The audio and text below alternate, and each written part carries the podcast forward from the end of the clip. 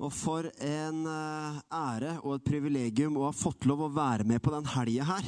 Dere som nå er på hjemmebane, tilhører IMI, er liksom en del av huset her. Kanskje det er blitt rutine for deg å høre jeg er et par tusen ungdommer her inne, og noen titalls norske vanlige ungdommer tok imot Jesus, og pytt, pytt. Sånt skjer. Eh, det er viktig for deg å virkelig forstå at dette er du en del av, og hedre det og ta eierskapet det, og kjenne at om ikke du har sitte i arrangementskomiteen, så er det virkelig noe å frydes over. Så jeg foreslår at vi gir det som har skjedd her i helga, og gir Gud ære for det en gang til. Og gi bare rett og slett himmelen en applaus. For det har vært fantastisk. Tusen takk, Herre for at du har brakt mennesker, unge mennesker, inn i ditt rike. Og jeg ber, far, om at du beskytter og bevarer hvert såkorn som har blitt sådd der inn den helga, Gud. Jeg ber for hvert ungdomsmiljø som reiser hjem igjen. Jeg ber for hver busstur. Jeg ber for alle bedehus og kirker og miljøer som har fått eh, noen såkorn fra den helga. Må det bare spire og gro og vannes, Herre, og fortsette å leve. Og må rapportene og vitnesbyrdene fra det bare fortsette i månedene som kommer. Amen. Amen. Så det er herlig. Og uh, tusen, tusen takk. Det er riktig, det er under et år siden jeg var her sist. Og jeg tenker det er jo, det er jo fantastisk at dere vil gi meg ett forsøk til nå. Uh, at dere gir ikke opp så lett, liksom. Vi, vi, vi prøver en gang til, og så ser vi åssen det går denne gangen. Fordi det er en nådebasert og raus kirke. Det er veldig bra.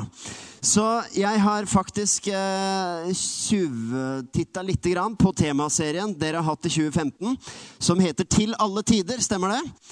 Til alle tider. Jeg har, jeg har til og med tjuvlest bitte lite grann på noen notater, og til og med jeg har egentlig vært en del av IMI i januar, bare sånn for å jukse litt.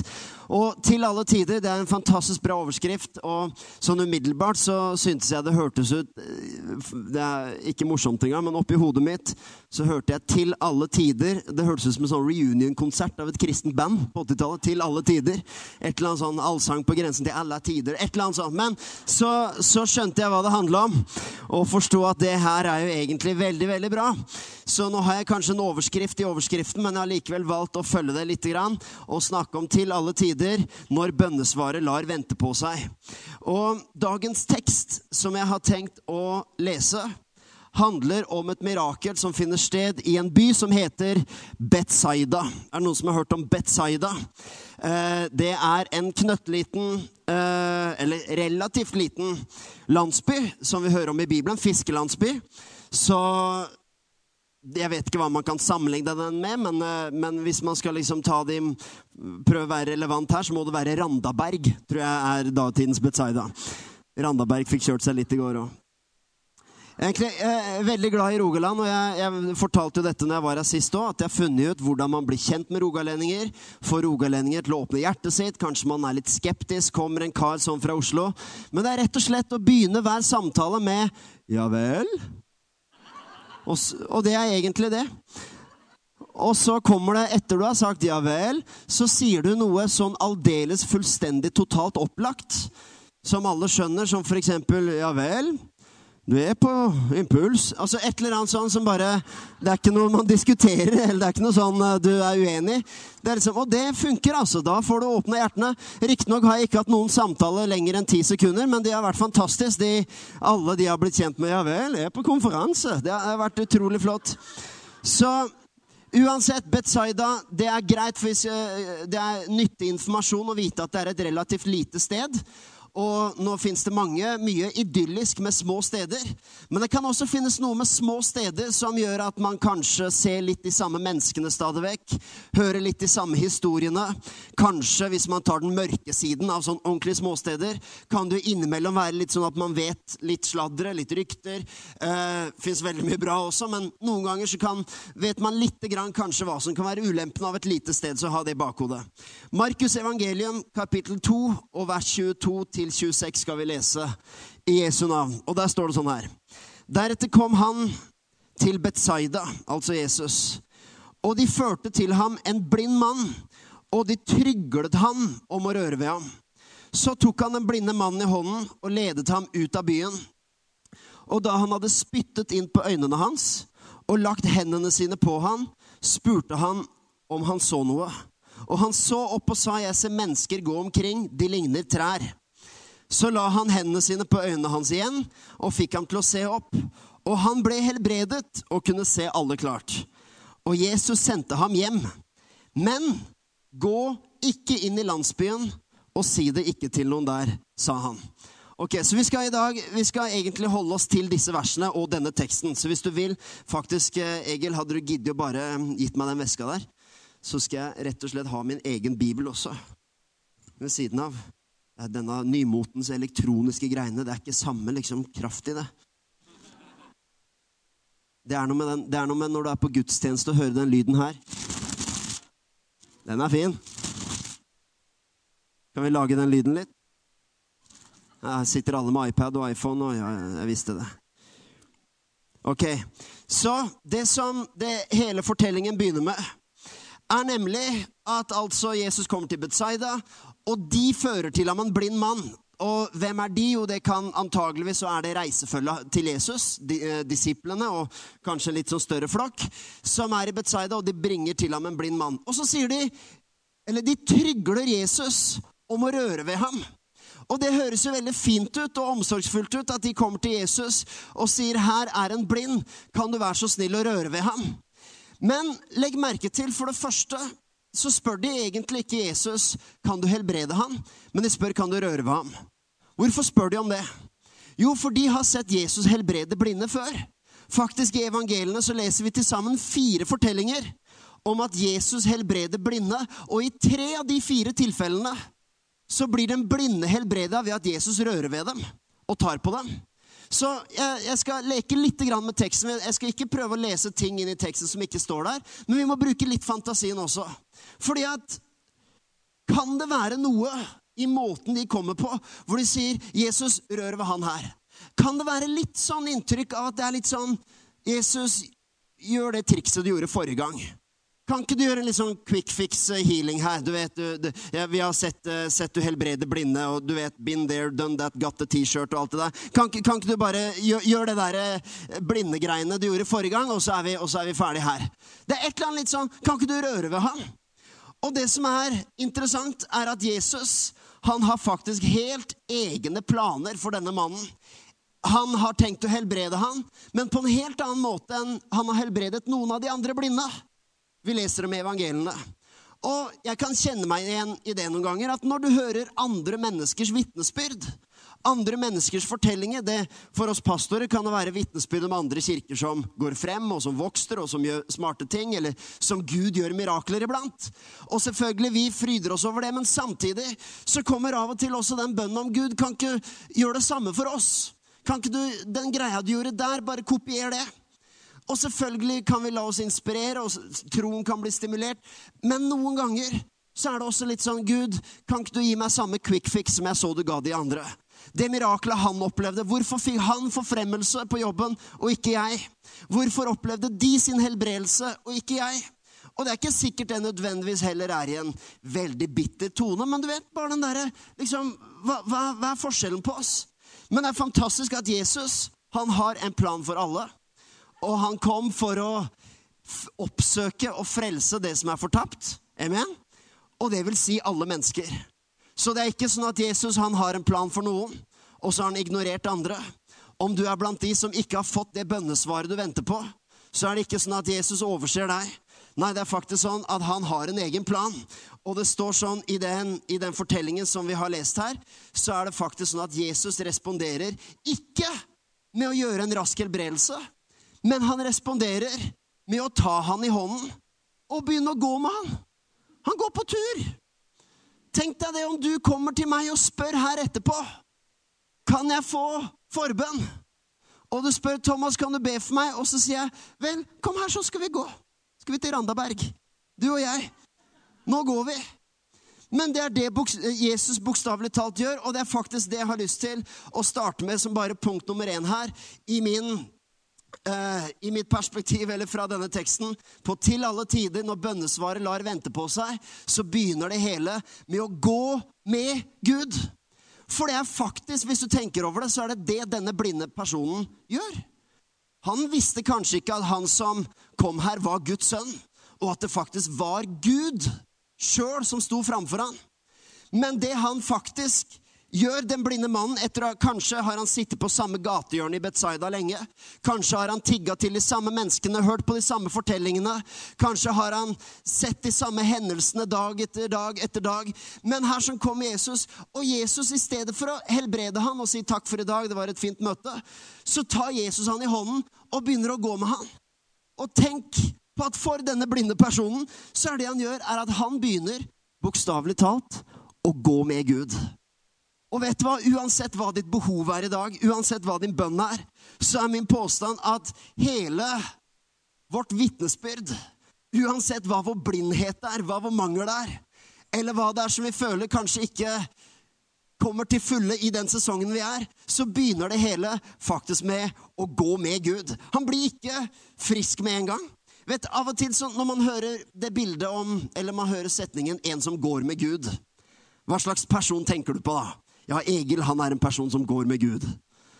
Jeg vet ikke hva du tenker på, men oppi hodet mitt en som går, De andre ler litt av det. Jeg vet ikke hvorfor de gjør det.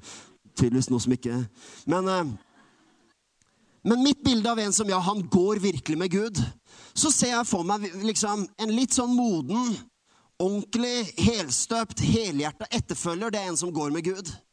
Men jeg liker det bildet her, for den blinde mannen han begynner å gå med Gud. Han begynner å gå med Jesus. Men det er ikke en ferdig, helstøpt, helhjerta etterfølger som har lagt ned alt det han eide, og bare gått etter å følge Jesus. Nei, det er en litt småforvirra, fortsatt blind. Kanskje litt undrende på hva er planen her, liksom. Det kommer en disippelgjeng, og blant dem er jo blant annet Peter, og da vet vi et eller annet må ha gått skeis. Så han, det kommer en disippelgjeng, og som begynner å mase om at jeg skal bli frisk, og her kommer denne Jesus, og nå vil han ha meg til å gå. Men han blir med!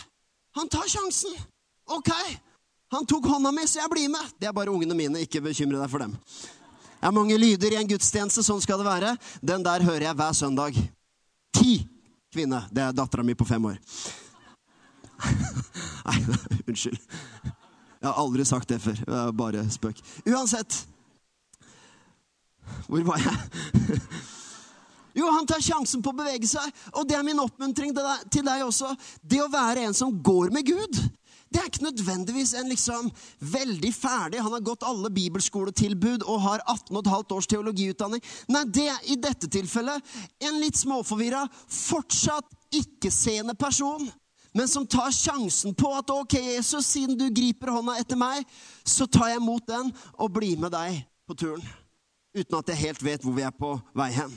Så det punkt nummer to som vi allerede kan gå til, det er at denne blinde mannen, han blir berørt av Jesus og er fortsatt blind. ikke det en herlig preken her søndag kveld på G18? Du kan bli berørt av Jesus og fortsatt være blind. Smil litt. Det går an. Du kan bli berørt av Gud, og Jesus har til og med tatt deg i hånda, og du har fortsatt ikke fått noe bønnesvar. Yes! Du skjønner, Det er sånn som jeg ser det, en oppmuntring. For av og til så kan det være sånn at når vi går i vår blindhet, så nekter vi nesten å tro at Jesus egentlig er der fullt ut. Vi får fordømmelse og lurer på om hva er galt. Er det, og kanskje gjelder det ikke så veldig mange, men likevel, når bønnesvaret uteblir, så kan tanken likevel oppstå av litt fordømmelse. Er det noe jeg gjør galt? Er det synd i livet mitt? Er det noe som gjør at bønnesvaret uteblir? Burde jeg bedt annerledes? Burde jeg hatt mer tro? Burde jeg bedt på en annen måte? Jeg har sett Jesus røre ved de andre. Burde jeg gjort en annen teknikk? Du skjønner, Man kan lure litt på hvorfor uteblir bønnesvaret. Derfor er det fantastisk å se at denne mannen går med Jesus og er fortsatt blind som bare det. Synshemmet er egentlig det korrekte ordet i våre dager, men Bibelen sier fortsatt blind, så da drister jeg meg til å bruke ordet blind her i kveld. Er det greit? Ja. Den som tier, samtykker. Så jeg tenker det er en fantastisk oppmuntring om at det at bønnesvaret ennå ikke er en realitet, det at man fortsatt lever litt blindt, det at ikke alt er blitt sånn som man skulle ønske, betyr på ingen måte at Jesus er fraværende.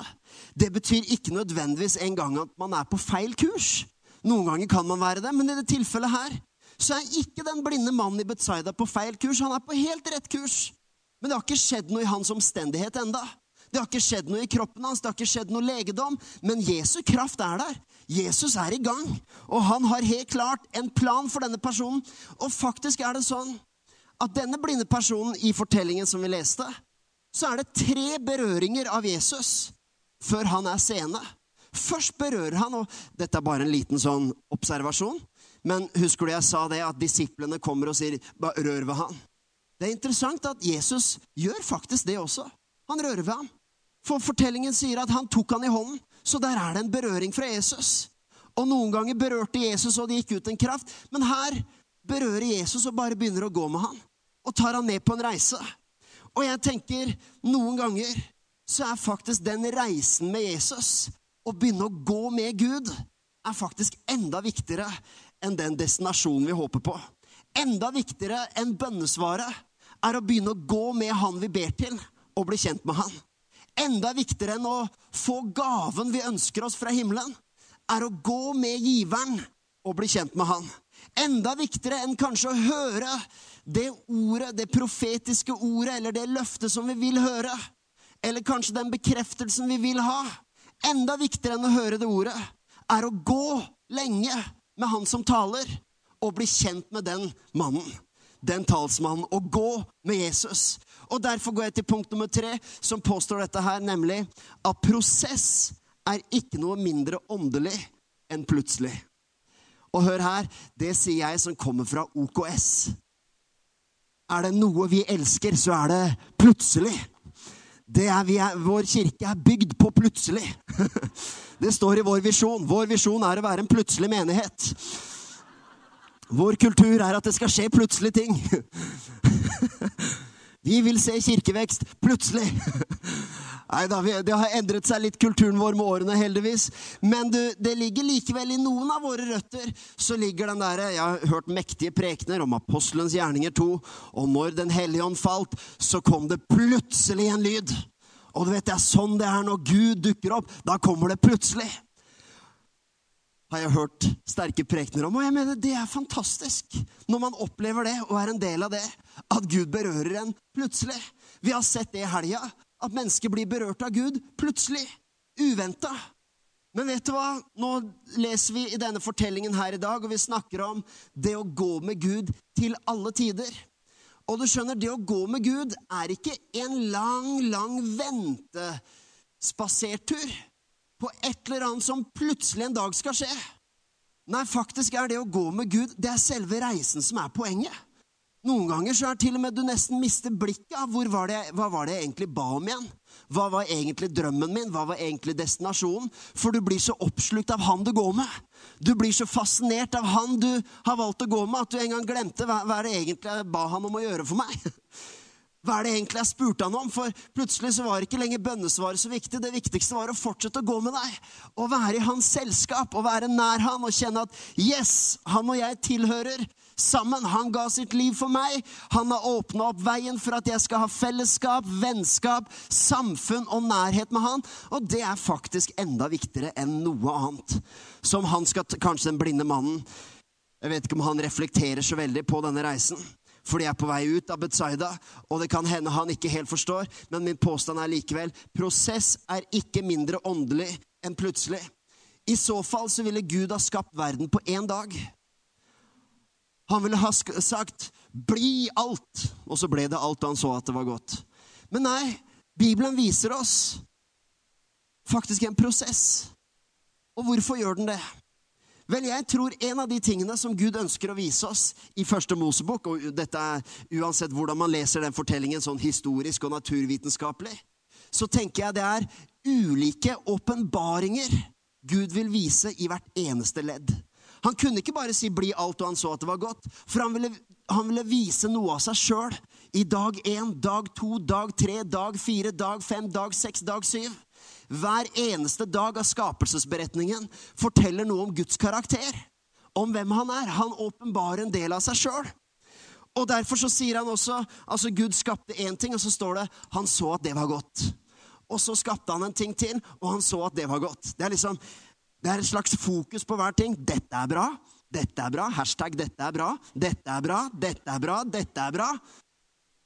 Og gjennom hele fortellingen så lærer vi oss ulike sider av Gud og ulike deler av hans eh, skapelseskraft osv. Og, så og jeg tror på samme måte så er ofte i vårt liv, når vi snakker om å gå med Gud til alle tider, så må vi forstå at prosessen er en del av åpenbaringen om Gud.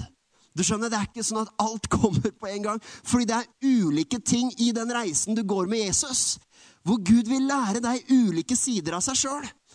Vi ønsker gjerne å komme til destinasjonen med en gang. Gud, gjør greia di, gjør quick fixen, berør meg, gjør, gjør, det opplegget. Mens Jesus sier, jo da, jeg, jeg har en plan for deg, men du trenger å gå med meg. For det er noen ting du må lære, det er noen ting du må forstå.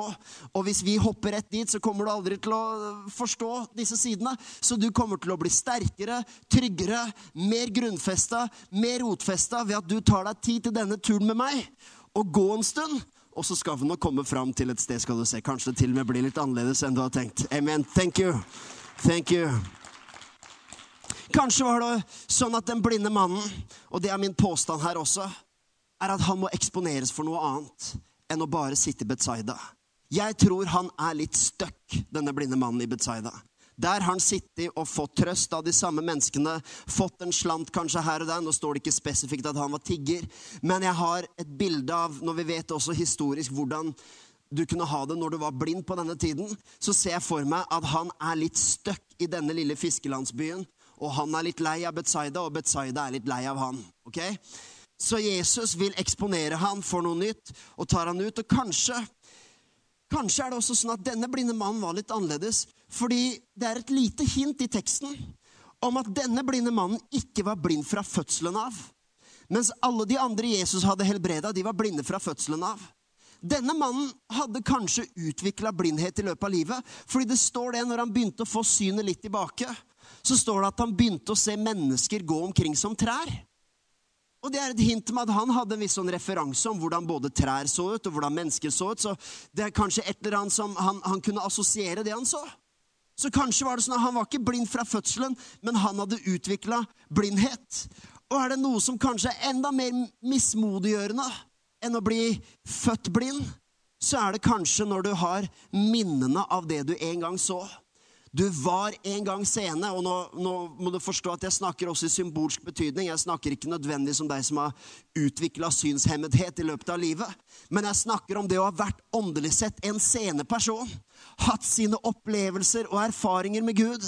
Opplevd bønnesvarene, vært der, opplevd Guds nærvær, kanskje til og med opplevd Den hellige ånds stemme. Men så langs veien utvikla en form for blindhet. Kanskje til og med er det sånn at med en som har utvikla blindhet, så er det en større grad av litt sår, kanskje litt anklage, muligens litt bitterhet, litt oppgitthet. Jeg vet i hvert fall det om at når jeg møter mennesker, så er det ofte mye lettere å overbevise en nyfrelst person, en som akkurat har møtt Jesus, om at det du kjenner nå, det du har opplevd nå, det varer til alle tider.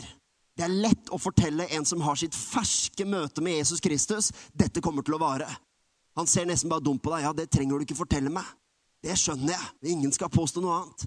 Det er litt vanskeligere med en som kanskje har hatt sine opplevelser og erfaringer, og et eller annet sted har kanskje hjertet bare blitt kaldt, eller det har bare liksom størkna litt, eller man, det åndelige synet har bare forsvunnet, forsvunnet gradvis. Jeg vet at ofte er det en litt sånn vanskeligere jobb å overbevise en sånn person om at det du har opplevd, og den Jesus du kjenner, han holder til alle tider. Det sitter litt lenger inne. Og jeg tror for denne blinde mannen kanskje sitter hans blindhet litt lenger inne i den forstand at Jesus må eksponere ham for noe annerledes. Og det bringer meg til nummer fire. Du lurer på ja, hvor mange punkter har du? 312. Men nummer fire er at han trenger å bli eksponert for en ny atmosfære, akkurat som deg og meg. Så han tar han i hånden og går ut av byen. Så tok han en blinde mann i hånden, står det, og ledet ham ut av byen. Ok? Hva befinner seg utenfor byen Betzaida? Og Jeg vet at jeg leker litt med teksten og leser ting som ikke står rett ut, men dette her er eh, et faktum. Du skjønner, Å bli eksponert for en ny atmosfære. Han tar ham ut av Betzaida. Er det noen skriftlærde i forsamlingen her som vet om et annet mirakel som har skjedd i nærheten av byen Betzaida? Hvilket annet mirakel, annet enn det vi leser i dette kapittelet, er sånn? Hvilket annet mirakel er det som skjer i nærheten av Betzaida? Det er faktisk to kapitler tidligere i samme evangelium. Det er nemlig der hvor Jesus metter 5000 og du har ofte hørt mettet 5000 i ørkenen, eller i ødemarkenen. Egentlig så Det er ikke snakk om Sahara-ørkenen, et sted hvor det var liksom masse sand, men et litt øde sted.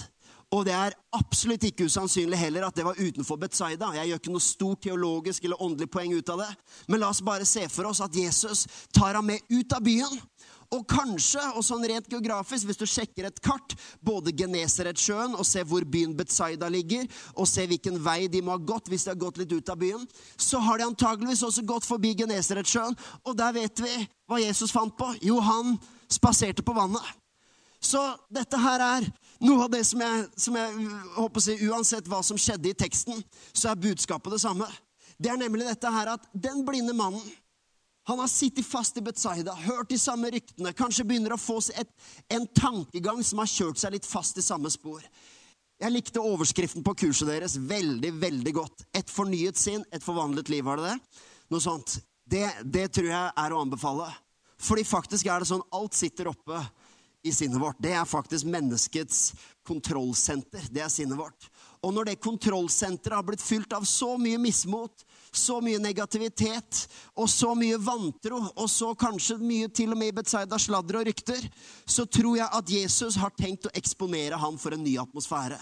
Så han tar ham ut av byen. Jeg spytter litt når jeg snakker her, og jeg, jeg ser at det går lenger og lenger. Snart treffer jeg første rad.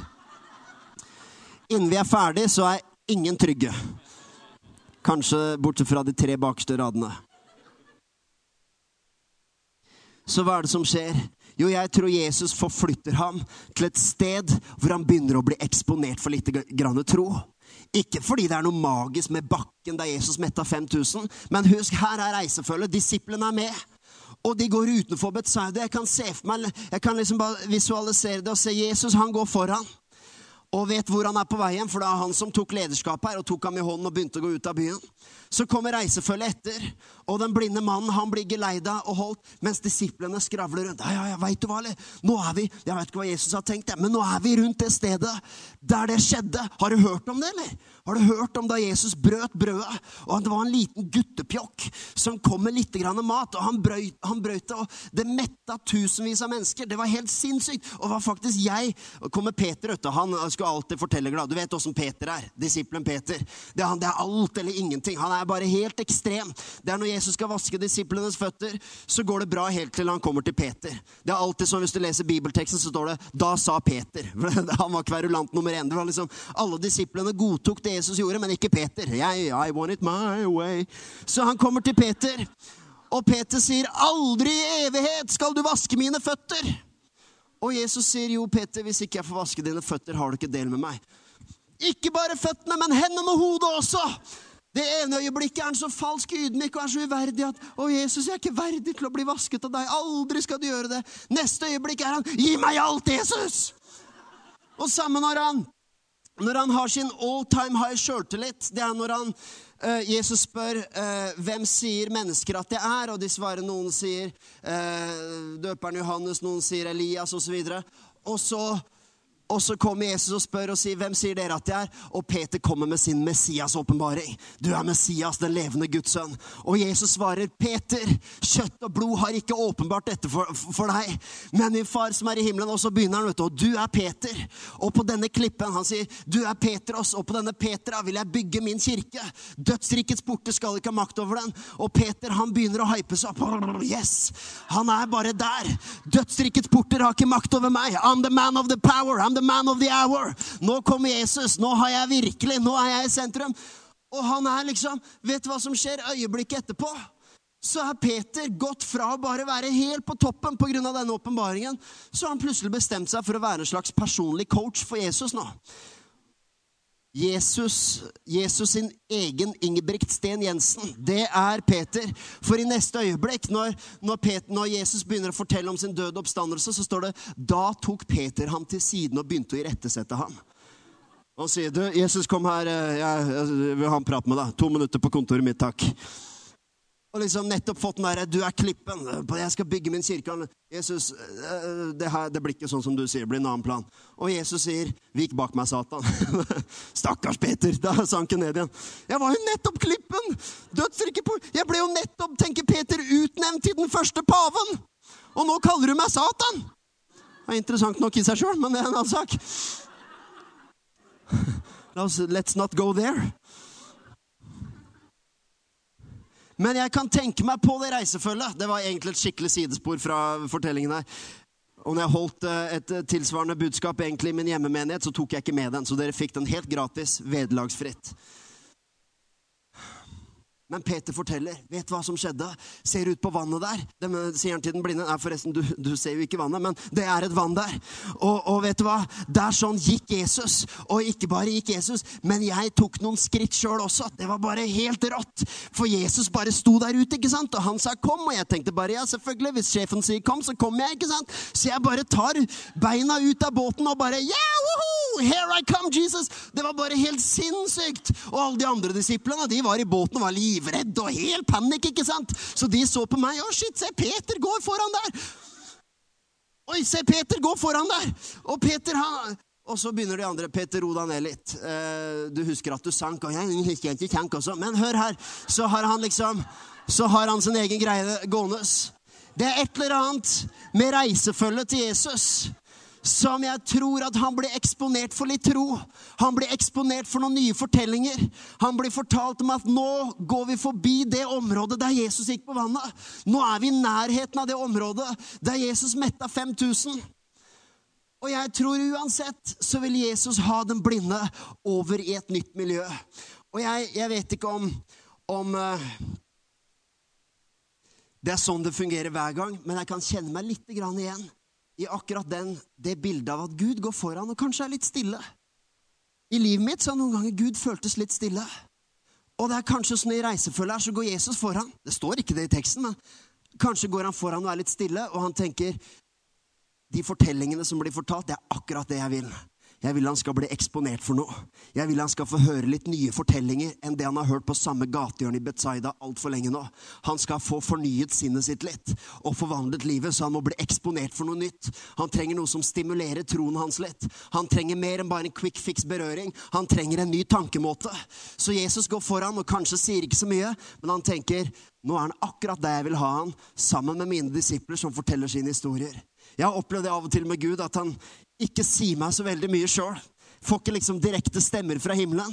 Men det er som om Gud sier, 'Thomas, nå er du akkurat der hvor du behøver å være.' 'Jeg har plassert deg med disse menneskene i den konteksten, i den sammenhengen, for at du skal lytte, formes og lære.' 'Du er akkurat der du passer perfekt inn.' Og bare hør på dem, så er det egentlig min stemme. Så vi snakker senere. Snakk med, vær med de der imens. Jeg kan kjenne meg igjen litt i det. Fordi at det står at troen, den kommer av det du hører. Og hvis noe skulle skje med denne mannens tro, så tror jeg han trengte å høre noe nytt. Vi vet hvordan sinnet vårt fungerer. Den fungerer akkurat som å gå på YouTube og se på Jeg vet ikke om du eh, Vi som er fotballinteressert, vi ser jo av og til på YouTube så skal vi se gjennom noen skåringer. Er det ikke pussig, jeg vet ikke om dette gjelder mange, men av og til når du er på og skal bare se liksom resumé fra en fotballkamp, du skal se et par skåringer på YouTube, men så kommer det opp på høyresida så kommer det opp sånn ti relaterte filmer. Har du sett det? Det er morsomt hvordan du skulle bare se ett klipp. To og en halv time etterpå så er du inne på et eller annet japanske værmeldingtabber. Hvordan skjedde det? Jo, du bare klikka deg videre. For det er sånn sinnet fungerer. Hvis du, ser, hvis du først får én tanke, hvis du har én bekymring, hva kan gå galt? Så er det som om sinnet kommer opp med ti nye forslag på andre ting som kan gå galt. Og du velger å klikke på en av dem. Ja, det kan også gå galt. Og så begynner man å spørre hva er galt med meg? Hvorfor har jeg grunn til fordømmelse? Og så vet du hva hjernen gjør? Den gjør bare jobben sin. Den er som Google. Du søker inn 'Hvorfor bør jeg ha fordømmelse?' og hjernen gir deg alle svarene. Og kommer med noen grunner til at du bør ha fordømmelse. Hjernen utvikler faktisk tankebygninger. Den, den virker nesten som et, som et, tre som har noen stammetanker, og så bare til slutt så bygger det seg et helt tankemønster og tankebygning. Det er sånn sinnet fungerer. Og jeg tror at når vi går med Gud til alle tider, så må vi være så obs på hva er det jeg eksponerer sinnet mitt for? Og jeg sier ikke vi kan melde oss ut av samfunnet eller melde oss ut av vennekretsen og at vi ikke skal, eller melde oss ut av familien fordi de var litt negative. Men jeg sier at når vi går med Gud, og bønnesvaret lar vente på seg, så trenger vi å bare for enhver pris bevare ditt hjerte fremfor alt du bevarer. Og det å bevare hjertet, det er å bevare sitt sinn og passe på hva eksponerer du ørene for. Troen kommer av det du hører, og det du hører, kommer av Guds ord. Og vet du hva som skjer når, eh, når, et sinn blir fornyet og forvandlet? Jo, det er at det begynner å taste inn nye ting. I stedet for å taste akkurat som på YouTube. Da, og grunnen til at du ender opp på japanske værmeldinger, det er fordi du skulle se fire skåringer fra Premier League, og så er neste spalte det er sånn topp ti skåringer i 2014. Og så klikker du på den, og så er neste topp ti eh, keepertabber i 2014. Og så er neste topp ti keepertabber i japansk serie. Og neste er topp ti TV-tabber. et eller annet. Og neste er topp ti værmeldingstabber. Og neste er topp ti japanske værmeldingstabber. Det tok to timer å gå den løypa der, sånn. Du har sett mange filmer, men det er der du ender opp. Og sånn er sinnet. Men når du begynner ut med en annen rotetanke, når du har begynt å eksponere deg for løftene i Guds ord, du har begynt å eksponere deg for det som er sant, det som er sunt, det som er ekte, det som er virkelig. Noe som faktisk Å eksponere seg for noen vitnesbyrd, noen fortellinger om Gud, bare i løpet av denne gudstjenesten her, så har du faktisk vært i et miljø, sånn som jeg ser det, hvor du har blitt eksponert for noen trosfortellinger. Jeg nekter å tro at du går fra denne gudstjenesten uten at du har blitt stimulert av noe. Enten det er fortellingene som vi hørte i forbindelse med kollekten. Eller det er noe av det som har skjedd i helga.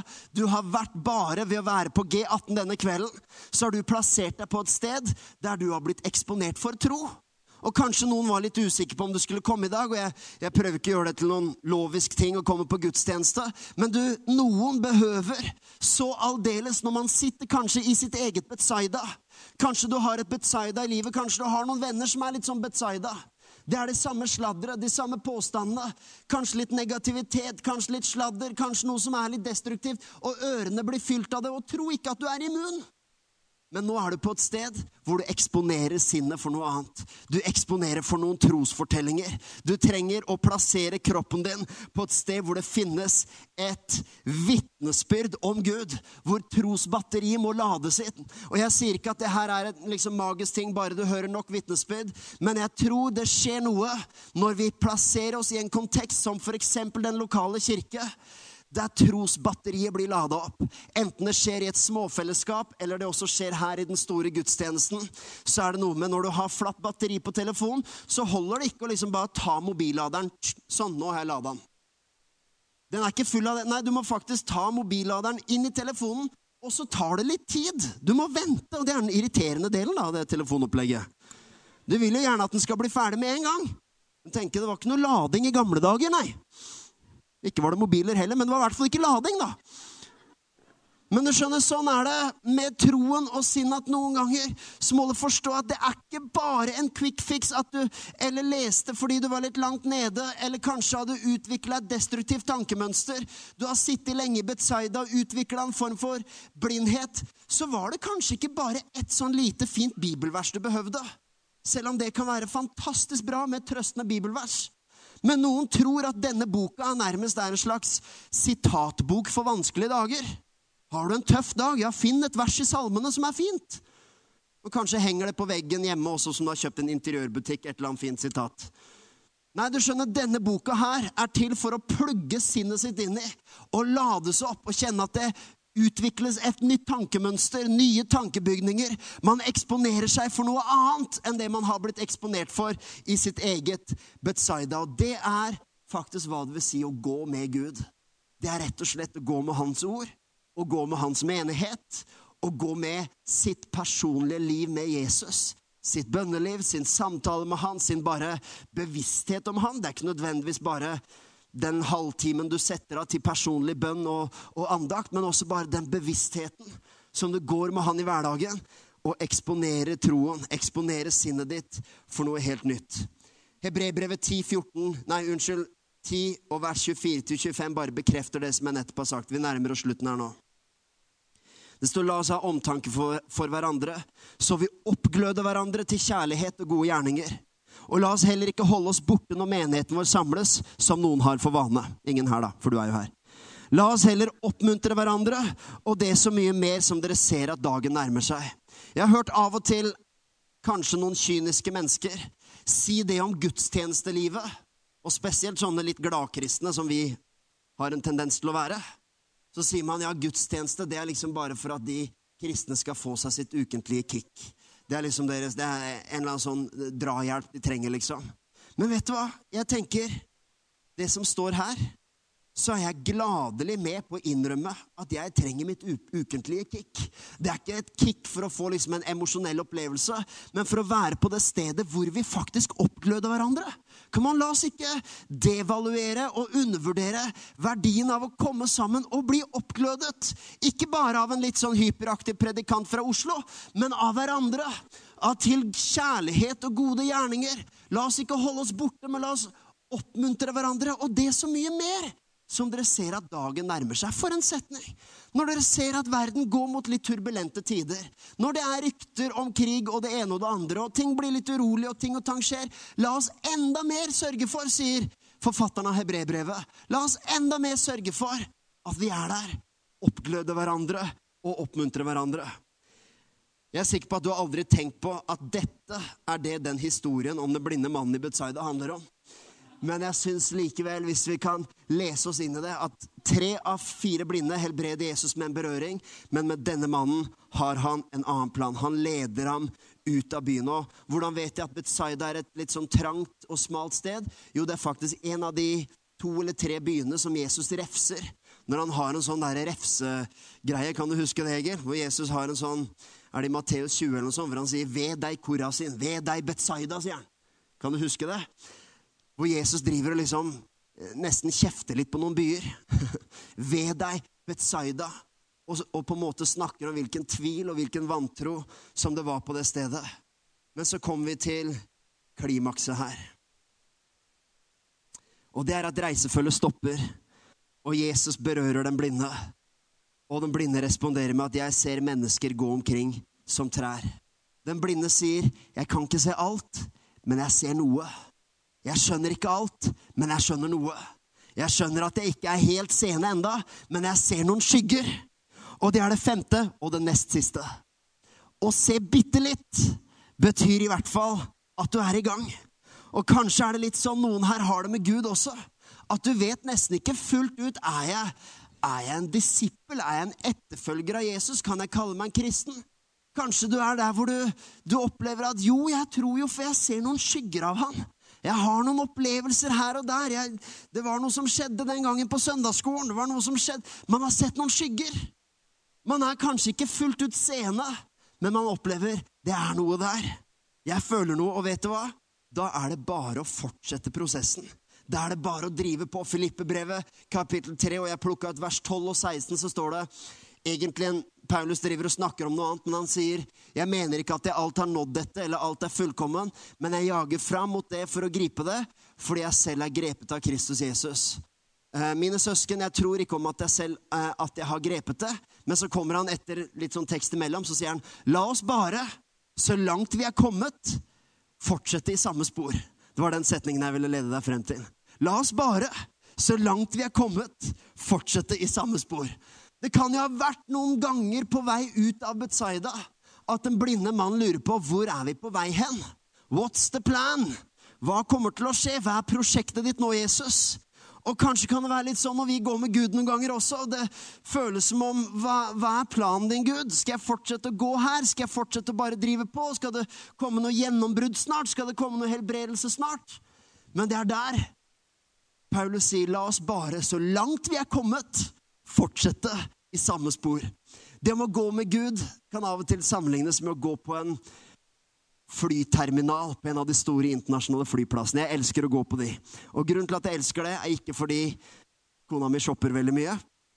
Det er ikke en av grunnene til at jeg elsker flyplasser.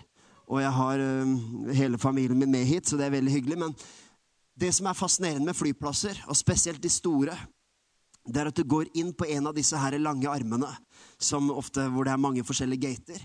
Og så er det så sprøtt, for det er sånn, gate 32 er New York. Gate 33 er Bangkok. Gate 34 Los Angeles. Gate 35 Tokyo. Du føler bokstavelig talt at du har hele verden innafor 30 meter. Du er, med, du, er midt, du er verdens midtpunkt. Fordi at du har, Hvis du går inn der, så kommer du til New York, og alle forstår at New York er ikke der på gate 31. Manhattan ligger ikke bakpå den døra, liksom. Men man forstår at hvis jeg går inn på den gaten, så kommer den reisen til å ende opp i New York. Og hvis jeg går inn på den gaten, så kommer den reisen til å ende opp i Bangkok. Og vet du hva, noen ganger Beklager å ødelegge lovsangen deres her. Noen ganger så er de der små valgene og de små justeringene av å bli med og gå med Gud, er nettopp som at Hva skjer når du går inn på gate 31 på Kastrup flyplass? Nei, absolutt ingenting. Men hvis du fortsetter på gate 31 så langt du er kommet, og fortsetter å bli med på den reisen som ender opp noen timer senere, så kommer du til New York. Og jeg sier ikke at hvis du går med Gud, så venter det gull og grønne skoger, men jeg sier bare at det det å gå med Gud er noen ganger når du tar det viktige valget. Tar, kanskje det er noen her som trenger å ta den kursendringen og bestemme seg for å lukke døra litt, og ikke gå inn på gaten av bitterhet. Og ikke gå inn på gaten kanskje av et vennemiljø som drar en ned, eller kanskje man til og med Det er noen stemmer man har i sin verden som man Om ikke man skal sende de ut, kanskje man må skru volumet litt ned og ta noen sånne valg. Og du skjønner, Det er litt som å bare gå inn på en gate der det umiddelbart skjer ingen verdens ting. Ingen forandring hvis jeg bestemmer meg her og nå for å begynne å spise sunt. Så skjer det ingenting med min kropp. Men hvis jeg fortsetter Det er gripende bilde. Det er sånn vi er. Det er sånn i OKS. Vi er så poetiske av oss at du aner ikke. Jeg kan egentlig få en pianist her. Kanskje jeg bare kan få hele bandet opp, så skal vi, så skal vi gå i avslutningen. Det var det, men Jeg begynte å snakke om kosthold og trening, så kom jeg på nå må vi ha lovsang. Men hvis jeg tar et valg, så skjer det ingenting. Men la oss bare så langt vi har kommet, fortsette i samme spor. Kan det være for den blinde at han tenker her er det noen ting jeg ikke forstår. Det er noen ting jeg ikke skjønner. Jeg vet ikke hva Jesus har tenkt. Men det jeg skjønner, kan jeg bli med på. Det jeg skjønner, er at han har strekt hånda si. Og det er i det tilfellet her mer enn nok. Og vet du hva? Noen ganger så er det det troen går ut på. Det er at det er et stort mysterium som du ikke skjønner, men så har du litt kunnskap om noe du faktisk skjønner. Det er mange mysterier i livet som jeg ikke skjønner. Jeg vet ikke hvorfor det fins fattigdom i verden engang når Gud er god. Og jeg har ikke løsningen på det ondes problem, men én ting vet jeg, det har jeg kunnskap om. Det er at Guds hjerte er for den fattige og den utslåtte. Og jeg vet at vi har muligheten til å gjøre noe. Så det er mye med det ondes problem og med lidelse og fattigdom som jeg ikke forstår. Men det fins noe som jeg faktisk forstår. Og jeg vil i hvert fall gå på de greiene som jeg forstår. Og da snakker jeg ikke bare om forstår intellektuelt, men når det kommer til den blinde mannen, så må det være ting som han overhodet ikke forstår. Men det han forstår, det blir han med på. Er du enig i dette her, at en fødsel er tidenes største mysterium? Amen? At et menneske blir til. At jeg også skulle få tre barn på fem år, var også mer enn det jeg både håpa på og ba om. Men det, det, var et fantastisk mirakel, alt sammen. Guds godhet og nåde fra ende til annen, og det er en sånn blessing.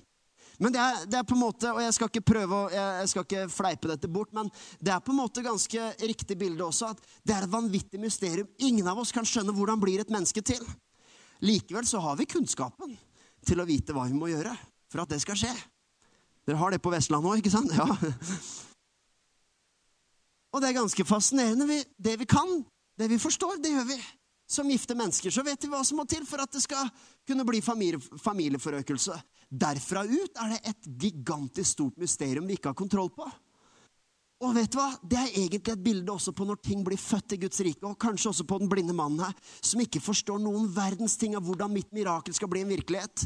Men det lille jeg forstår, er at nå blir jeg med.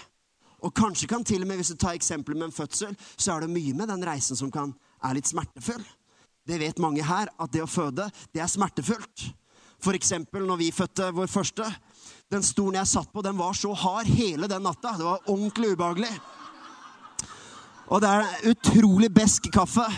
Og det var noe Premier League-runde den helga, og nett, på sykehuset der på Ahus er forferdelig. Så det er ikke bare glede langs veien.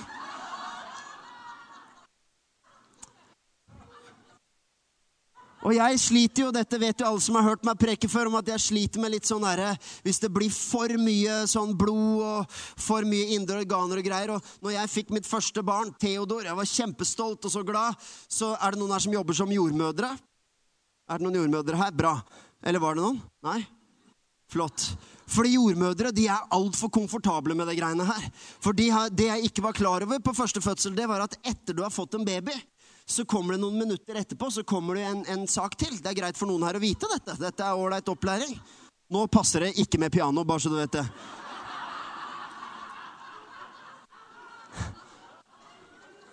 Men det er rett og slett morkaka. Og sånne jordmødre de har en eller annen fascinasjon for dette. her. De synes Det er veldig stas. Det er mer stas med morkaka enn med babyen. Så jeg står og holder min sønn, og jeg har tårer i øya, og jeg er bare så grepet av øyeblikket. Så kommer jordmødre som, som, liksom Ja, har pappaen lyst til å se på morkaka, da? Jeg tenker, Hvorfor skal jeg se på den? Jeg har nettopp fått en sønn. Hva, hva slags respons forventer du? Skal jeg liksom, Oi, se på den. Hold han litt. Få se på den.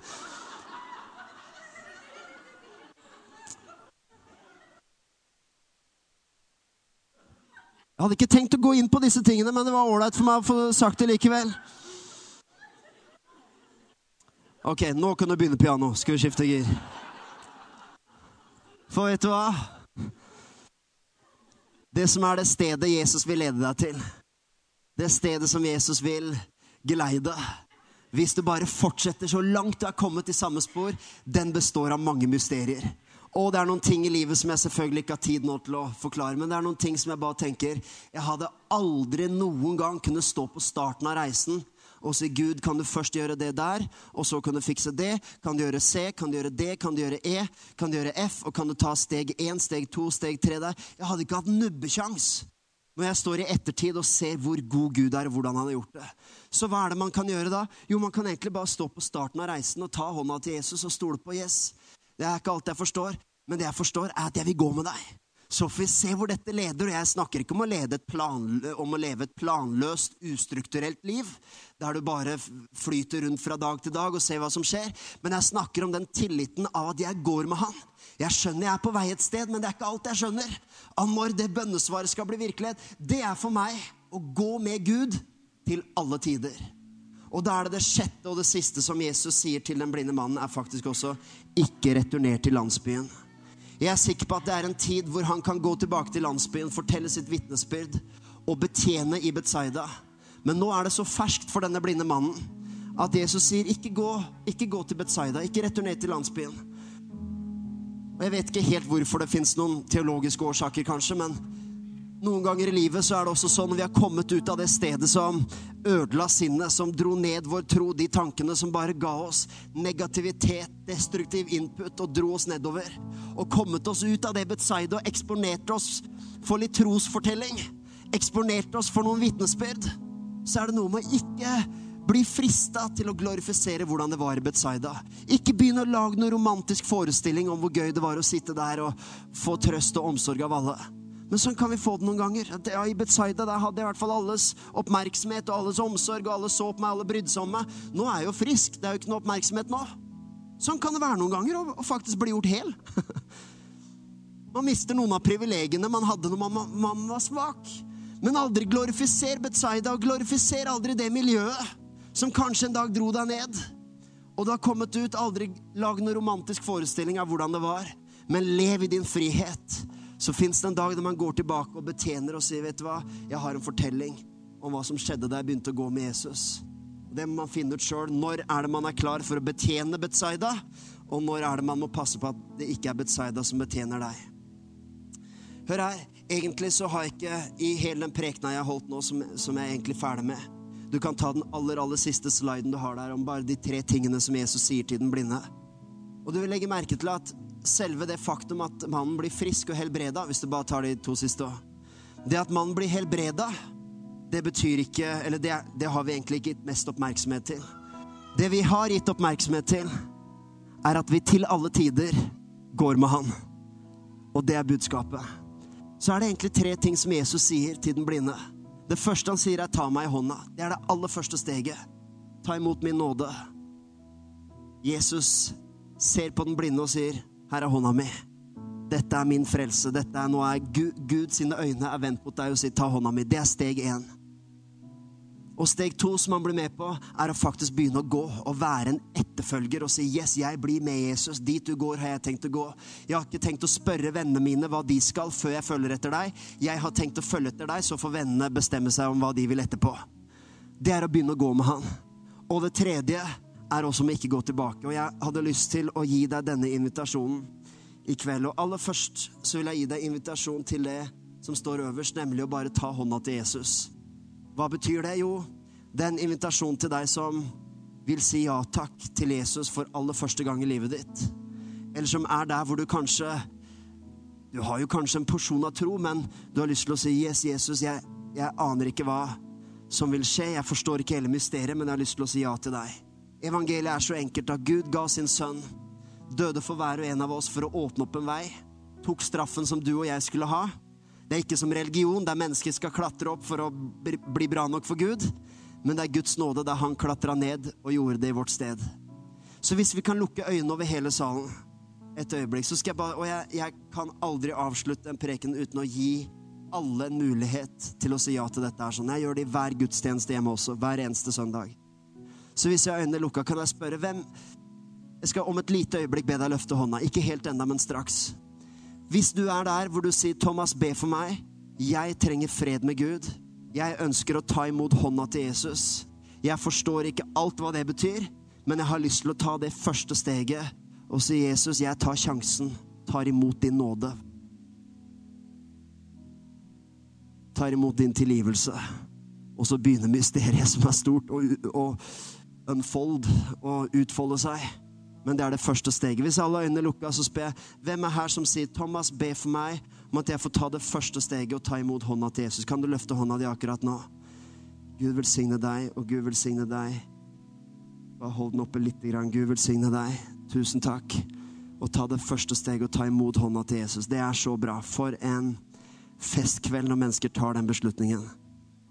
Hvis det er en av de tre jeg har sett, så kan du kan få lov å ta hånda ned igjen der og der. Er det Bare hold øynene lukka. Er det noen flere av de som jeg ennå ikke har sett, som bare trengte de små øyeblikkene på seg til å si 'Nå er jeg klar, Thomas. Be for meg også'. Er det noen flere som løfter opp hånda akkurat nå? Av noen som jeg ikke observerte ennå, og si Thomas, be for meg. Jeg ønsker fred med Gud. Jeg ønsker å ta sjansen. Jeg ønsker å si, Gud, hvis du fins, Gud, hvis du er den du sier du er så vil jeg lære deg å kjenne. Er det noen til før jeg avslutter, som sier ja takk til det, så er det et enormt privilegium for meg å få lov å be for deg. Yes. Gud velsigne deg så masse. Jeg vet jeg er nok litt på overtid ut fra normaltid, men jeg kjenner det Jeg lurer på om ikke det også er enda en person her. Og kanskje pulsen går litt, og hjertet slår litt. Men Den hellige ånd inviterer og sier, 'Du er så hjertelig velkommen'. Det er ikke en Gud som venter på andre siden med en dom over deg. Jeg har sett hånda bak der, du kan få lov å ta den ned. Det er faktisk sånn at det er ikke en eneste synd du har gjort, som kan skremme Gud.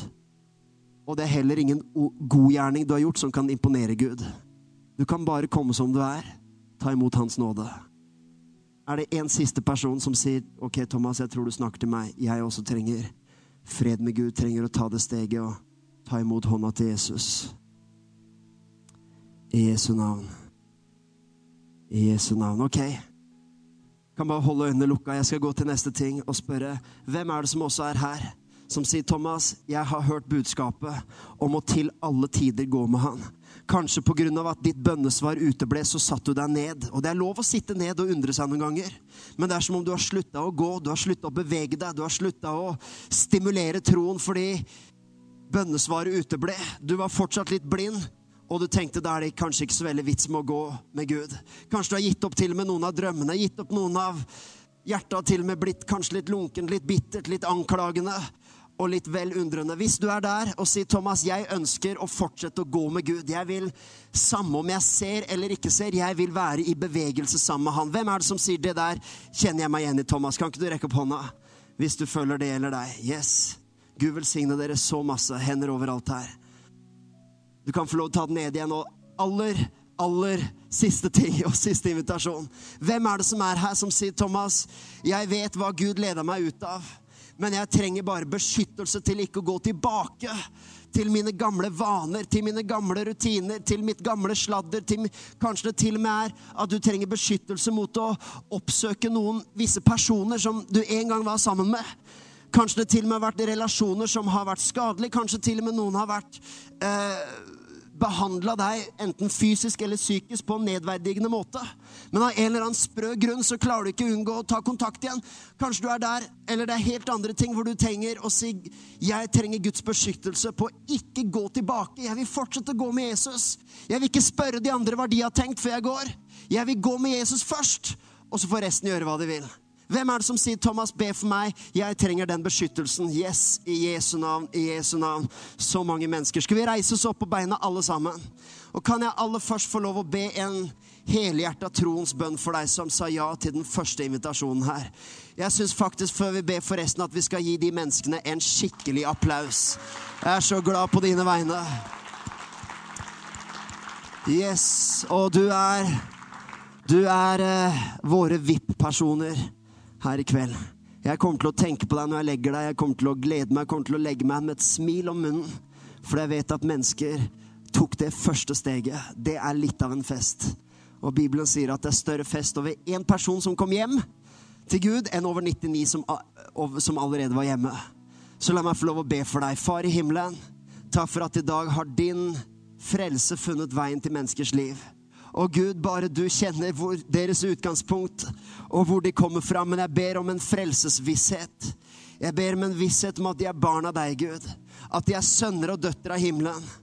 Om at all deres synd er tilgitt, og de kan komme til deg med all bagasje, Herre. Og de kan få lov å komme til deg og vite at om de så bare ser noen skygger, om de så føler at de bare ser deg som, som noen skygger langt der borte, så ber jeg Gud om at de skal fortsette så langt de er kommet, og leve i det og snakke med deg, lære å høre din stemme og bli fylt av din ånd, Herre. Jeg ber for dem i Jesu navn, i Jesu navn.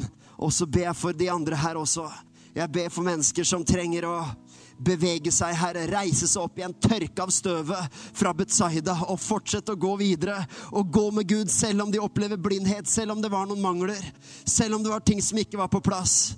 Og fortsette å gå, fortsette å være lydig, fortsette å være en etterfølger.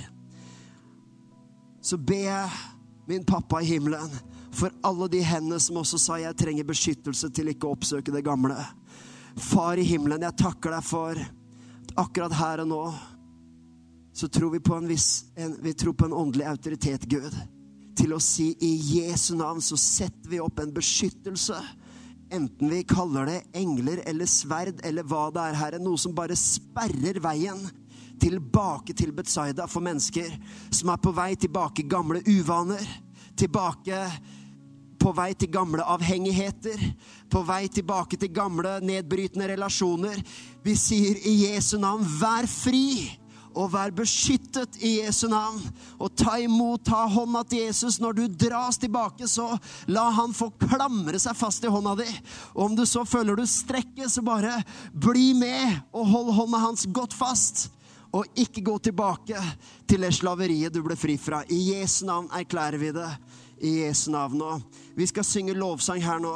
Men jeg har lyst til å, å bare si at døra er vid åpen, og jeg er gjerne igjen her. Jeg vet jeg har brukt uh, god tid her i kveld, men uh, jeg har bare lyst til å si at vi har ikke hastverk med å komme hjem.